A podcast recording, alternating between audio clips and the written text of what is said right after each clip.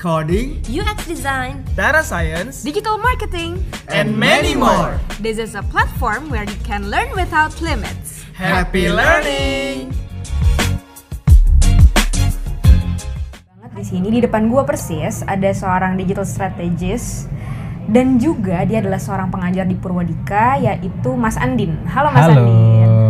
Casey apa kabar? Baik tentunya. Dan di sini keadaannya itu siang hari Iya. dan eh, Mas Andin kebetulan habis ngajar ya. Ya, jadi kan eh, baru dua minggu ini Mm-mm. mulai full time untuk ngajar job connector. Jadi eh, biasanya kan sudah part time ya dari Iya. 2017, tapi sekarang eh, dapat tantangan baru nih Oke. gitu untuk eh, mengajarkan digital marketing ke eh, 22 siswa yang berharap punya karir baru di dunia digital di program job connector. Yes, betul banget. Jadi mungkin yang belum tahu em, Pak Andin sendiri ini sudah pernah mengajar di Purwadika itu dari tahun 2017 ya. Ya. Namun part time. Masih part time. masih part time karena mungkin sambil bekerja mungkin boleh diceritain sedikit eh, kerjanya dulu tuh di mana sih Ya, dari 2017 itu saya waktu itu masih di CT Corp ya. Hmm.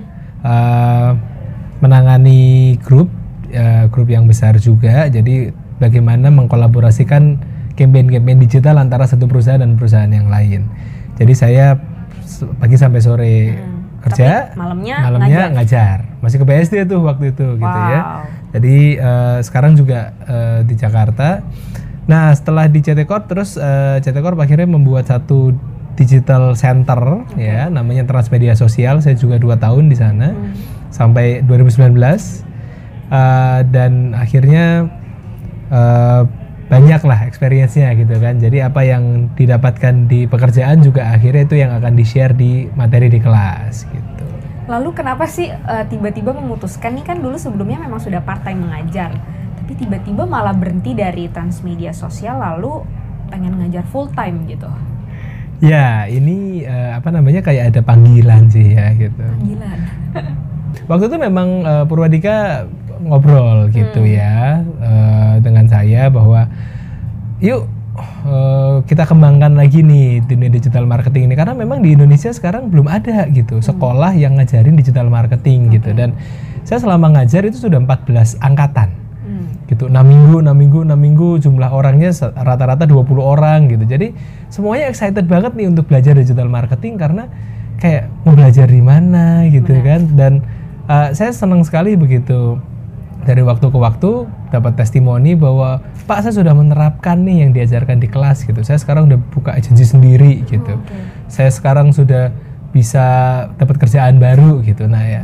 Semangat itu yang kemudian oke kayaknya menarik nih kalau memang eh, saya full time gitu. Jadi setelah banyak dipertimbangkan, oke, mari kita ngajar full time gitu. tapi awalnya ada berat hati gitu nggak sih meninggalkan Pasti, pekerjaan pasti. Tapi kan eh, artinya ini kan untuk eh, manfaat yang lebih banyak ya, Hmm. manfaat untuk lebih banyak orang gitu. Jadi kayaknya dan em, apa namanya so called passion ya mungkin Iya, banyak benar. orang yang bilang itu passion gitu passion itu adalah di mana saya berangkat kerja dari jam kurang dari jam 8 pagi saya kerja dari jam 9 sampai jam 6 sore terus saya ngajar dari jam 7 sampai jam 10 ya setiap seminggu dua kali gitu. Tapi nggak apa-apa gitu kan. Seneng banget gitu untuk bisa berbagi materi-materi baru gitu. Eh, dan di situlah saya merasa kayaknya memang bidangnya di sini deh gitu. Dan saya bisa memberikan lebih banyak manfaat untuk banyak orang gitu. Jadi akhirnya saya memilih untuk full time. Lalu full time pun juga Mas Andin sendiri ngajarin job connector uh, digital marketing di mana nanti setelah lulus mereka pun punya kesempatan untuk di hire menjadi digital marketer. betul betul. Buat saya itu tantangan sekaligus ya. Hmm, jadi benar. kan kalau part time oke mereka belajar gitu. Dan akan mereka aplikasikan tapi tidak ada beban gitu kan. Kalau sekarang kayak saya punya tanggung jawab nih untuk membuat anak ini memang benar-benar capable Hmm. memenuhi standar industri. Jadi saat nanti hiring day mereka sudah sesuai nih sama apa yang dibutuhkan oleh perusahaan-perusahaan itu. Jadi menerapkan ilmu dan memberikan tugas jadi eh, exercise terus gitu ya dan memantau perkembangan mereka gitu. Sudah sesuai belum ya sama output eh, output sama materi yang diajarkan gitu? Itu sih tantangannya. Tapi seru tapi seru. Karena eh, banyak orang dengan banyak latar belakang tuh selalu menyenangkan Yes, gitu dan menantang gitu. Oke, sekarang em, aku ingin mencuri ilmu sedikit karena mungkin Mas Andin sudah memulai karir di digital marketing itu dari tahun berapa? Jadi saya memang memulai digital marketing itu dari tahun 2010 gitu. Jadi awalnya saya masih di media di Jogja, sebuah radio station dan saya mulai mengelola media sosial mereka gitu. Masih pekerjaan sederhana lah, ngadmin setiap pagi gitu ya, mencari materi gitu, nyari bahan. Tapi lama kelamaan seru banget ya digital marketing ini ternyata. Tahun 2010 orang-orang masih gandrung sama Facebook dan Twitter, Instagram bahkan belum ada gitu. Yang orang-orang masih asik banget gitu, kayak punya mainan baru yang toh handphone canggih juga belum banyak di zaman itu. Jadi eh, kita nyoba formulanya gimana waktu itu mensinkronkan antara on air radio sama online digital. Ternyata bisa nyambung tuh. Gitu. Dan itu pada saat itu masih tahun 2010 ya? 2010 Berarti se- sebenarnya itu udah mulai ya? sudah mulai, sudah mulai. Brand belum belum belum sebegitunya, tapi media dan akun-akun lucu-lucuan zaman dulu ya, zaman-zaman generasi awal Twitter gitu. Itu mulai memanfaatkan uh, fanpage, mulai memanfaatkan Twitter untuk bisa uh, mengoptimalkan uh, promosi mereka gitu. Nah, dari situ saya juga mulai latihan lagi nih gitu. Eh, jadi di Jogja banyak yang nawarin, "Eh, Mas Andin, tolong bantu saya dong mengelola akun sosial media bengkel gitu misalnya, mengelola akun sosial media bakpia gitu, mengelola akun sosial media kebun binatang gitu. Jadi atau mengelola akun sosial media untuk event KPK yang datang ke Jogja gitu. Nah dari situ kan seru ya gitu. Banyak industri banyak bisnis banyak contoh gitu. Akhirnya makin banyak pengalaman. Mas Andin tolong dong bikinin satu paket gitu kan. Nggak cuma sosial media websitenya sekalian sosial medianya dan lain-lain gitu. Akhirnya saya mendapatkan banyak ilmu tuh di Jogja dan di radio yang pertama kali saya bekerja itu saya membesarkan sosial medianya waktu itu dari followernya sampai 5000 waktu saya tinggal itu followernya 149.000 149 ribu. organik. Jadi waktu itu kita masih belum mainan yang paid yang kayak gimana gitu. Facebooknya kalau nggak salah dari 7.000 jadi sekitar 110.000 gitu. Nah saya merasa seru nih ya untuk bisa naik kelas nih gitu bahwa sekarang orang-orang sangat aktif dengan handphonenya. Gimana kita membuat konten yang menarik? Sebenarnya jualan, tapi eh, bisa dikonsumsi dengan menyenangkan gitu. Jadi kan jualan nggak harus hard sell ya gitu. Betul. tapi kan orang-orang juga semakin pengen konten-konten yang soft, tapi itu sebenarnya ada jualannya nggak apa-apa gitu. Iya. Nah tantangannya kemudian kan bagaimana kita mengemas pesan itu gitu. Jadi dari 2010 sampai sekarang total mungkin brand yang sudah saya kelola ada 50, 100. Enggak sampai sih. Ya banyak. 40-an lah. Ya banyak, banyak. Karena banyak yang kecil-kecil gitu, tapi banyak nih industrinya nih gitu. Yang paling random itu adalah seorang calon bupati Gunung Kidul waktu itu. Maksudnya Mas Andin sendiri ngelola sosial medianya Iya. si bupati ini? Calon Oh, ya waktu calon itu mau bupati. mau maju ke pilkada gitu. Jadi buat saya semakin banyak industri semakin banyak pengalaman nih, seru banget nih. Jadi bank pernah, asuransi pernah, media pernah, eh, kuliner pernah, eh, usaha kecil dan menengah pernah.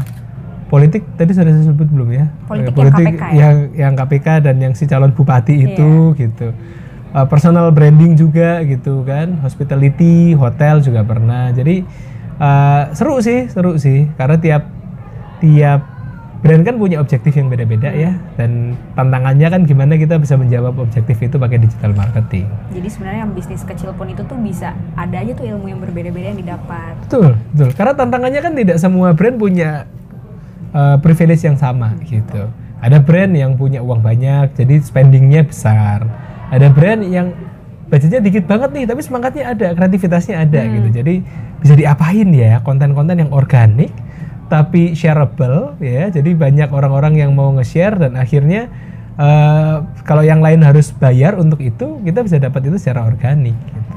Berarti sebenarnya kalau misalkan mereka pengen apply kerja nih sebagai digital marketer. Kalau misalkan Mas Andin di posisi sebagai recruiter gitu ya yang menginterview. Lihatnya CV atau sebenarnya ngelihat hasilnya juga sih. Karena kan otomatis digital marketing ini kan luas.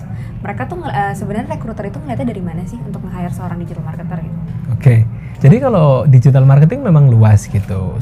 Saya sering eh, apa namanya nge-review ya gitu untuk untuk hiring tim saya gitu waktu di pekerjaan sebelumnya. Jadi yang saya bayangkan adalah emang orang ini itu eh, punya pengalaman atau tidak Iya. gitu. Artinya ataupun minimal punya pengalaman kecil tapi semangat belajarnya besar dan akhirnya mau eh, berkecimpung lebih banyak di dunia digital marketing ini. Jadi yang saya lihat pasti adalah hasil kerjanya, portofolionya pernah ngerjain apa gitu kan.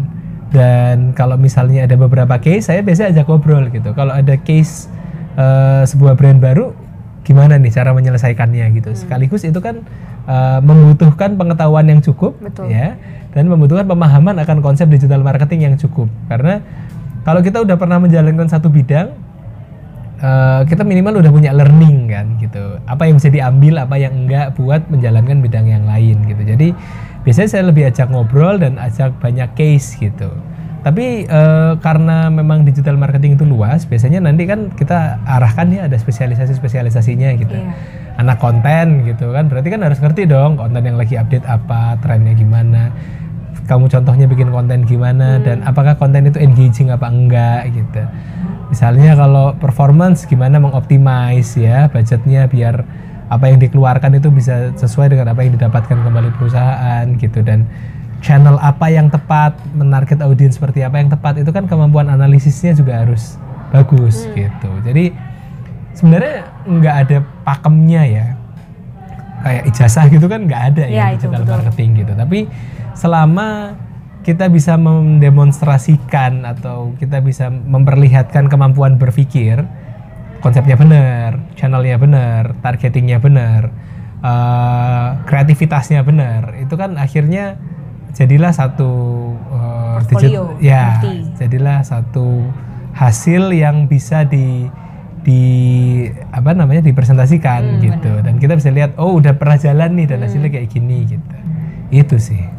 Lalu eh, aku pengen nanya Mas Andin sendiri pernah nggak eh, kerja mungkin di agency atau di in-house atau mungkin pernah dua-duanya? ya yang menarik itu di Jakarta itu aku sebelum di CT Corp itu di kawan nama group Hmm. gitu. Itu agency tapi in house ya. Jadi agency tapi in-house. ya seperti agency tapi sebenarnya tim in house gitu karena kan memang sekarang trennya company bikin in house ya. Iya benar. gitu. Eh pernah di agency pernah di in house juga. Dan waktu di transmedia sosial itu kan sebenarnya agency. Agency tapi internal gitu kan. Oke. jadi ya rasa in house tapi rasa agency juga gitu Nah, menurut Mas Andin sendiri tuh sebenarnya kita bisa dapat em, skill yang lumayan banyak atau mungkin experience yang banyak itu tuh sebenarnya dari agency atau dari in-house sih? ya memang eh, experience itu kan didapatkan di, di luar zona nyaman ya katanya Iya. gitu kan saya ngerasain banget di mana in house meskipun agak agency dibandingkan yang agency beneran tapi yang masih internal internal agency ya itu memang beda gitu ya kerjanya agency ya belajar banyak tapi harus siap capek kan kayak gitu kan teman-teman saya yang agency yang di luar malah lebih capek lagi gitu tapi mereka bilang Iya, digital ini kan harus experience kan Betul. gitu. Jadi semakin banyak waktunya yang dikeluarkan, semakin tinggi jam terbangnya, semakin banyak nih uh, materi yang bisa dipelajarin gitu. Experience-nya makin terasah gitu. Jadi memang kalau saya menyarankan men- masuk agency sih akan dapat banyak sekali pengalaman gitu. Kalau sudah biasanya uh, orang-orang agency ditarikin tuh ke brand gitu kan Oh, jadi in-house. in-house jadinya lebih nyaman tuh sudah tapi em, kalau kita langsung masuk in-house kan kayaknya kita masih men- meraba ya Iya, gitu. karena kan kalau agency kan biasanya multiple industries. Benar. satu orang nggak akan hanya megang satu brand Jadi gitu. challenging juga. Heeh, gitu. Jadi belajarnya lebih cepat juga gitu kan. Begitu masuk ke brand kita bisa mengaplikasikan semua yang sudah di learning dari agency tapi bukan berarti saya nyuruh orang-orang agency pindah ke brand semua ya. Meskipun dalam hatinya pasti kayak enak ya kalau misalnya di brand ya gitu. tapi plus minus lah plus minus pun di brand saya ketemu sama teman-teman yang di brand gitu nge-brief agency itu juga nggak gampang loh gitu kan. Jadi kalau punya pengalaman di agency lebih enak sih sebenarnya buat buat eh, apa namanya masuk ke brand gitu. Tapi ya culture-nya kan pasti akan berbeda gitu. Culture agency ya siap-siap untuk kerja keras gitu Yes. kan. Culture-nya brand ya tidak semua tapi slightly harusnya lebih santai gitu yang lebih ya fokus aja gitu sama brandnya itu nggak usah mikirin yang lain gitu Oke. em, karena sudah 16 menit Oh, wow. kita, udah lumayan lama. Gak kerasa ya? Ini kita jadi les ya sebenarnya. Belajar dari pengalaman Mas Andin tuh aku jadi tahu ternyata digital marketing tuh sangat luas dan banyak belajar juga bisa malah ngebuat kontennya si siapa wakil bupati gitu kan. Nah, em, untuk pertanyaan terakhir sebenarnya mungkin banyak orang juga yang nanya, "Duh, gue harus mulai dari mana sih untuk belajar digital marketing?" Ya. Kayak sebenarnya cukup nggak sih dengan gue baca blog atau gue baca artikel atau gue harus eh, les atau harus belajar di kampus. Nah, menurut Mas Andin sendiri harus dari mana kita belajar digital marketing itu? Iya, di era sekarang kan tidak ada batas ruang dan waktu ya, gitu. Semua orang bisa belajar dan resource banyak di luar sana. Asal mau googling aja pasti ketemu gitu. Template juga udah lengkap gitu kan ibaratnya tools juga banyak, gratis, gampang banget seharusnya untuk belajar digital marketing. Yang susah itu adalah konsistensi. Yang susah itu adalah bingung mau mulai dari mana Iya. gitu dan yang susah itu adalah mentor gitu. Nah, jadi teman-teman bisa belajar marketing sendiri bisa dengan baca-baca itu, tinggal kan harus konsistensi, mencoba, latihan dan lain-lain gitu. Yang semuanya ada di kelas part-time digital marketing Purwadika gitu.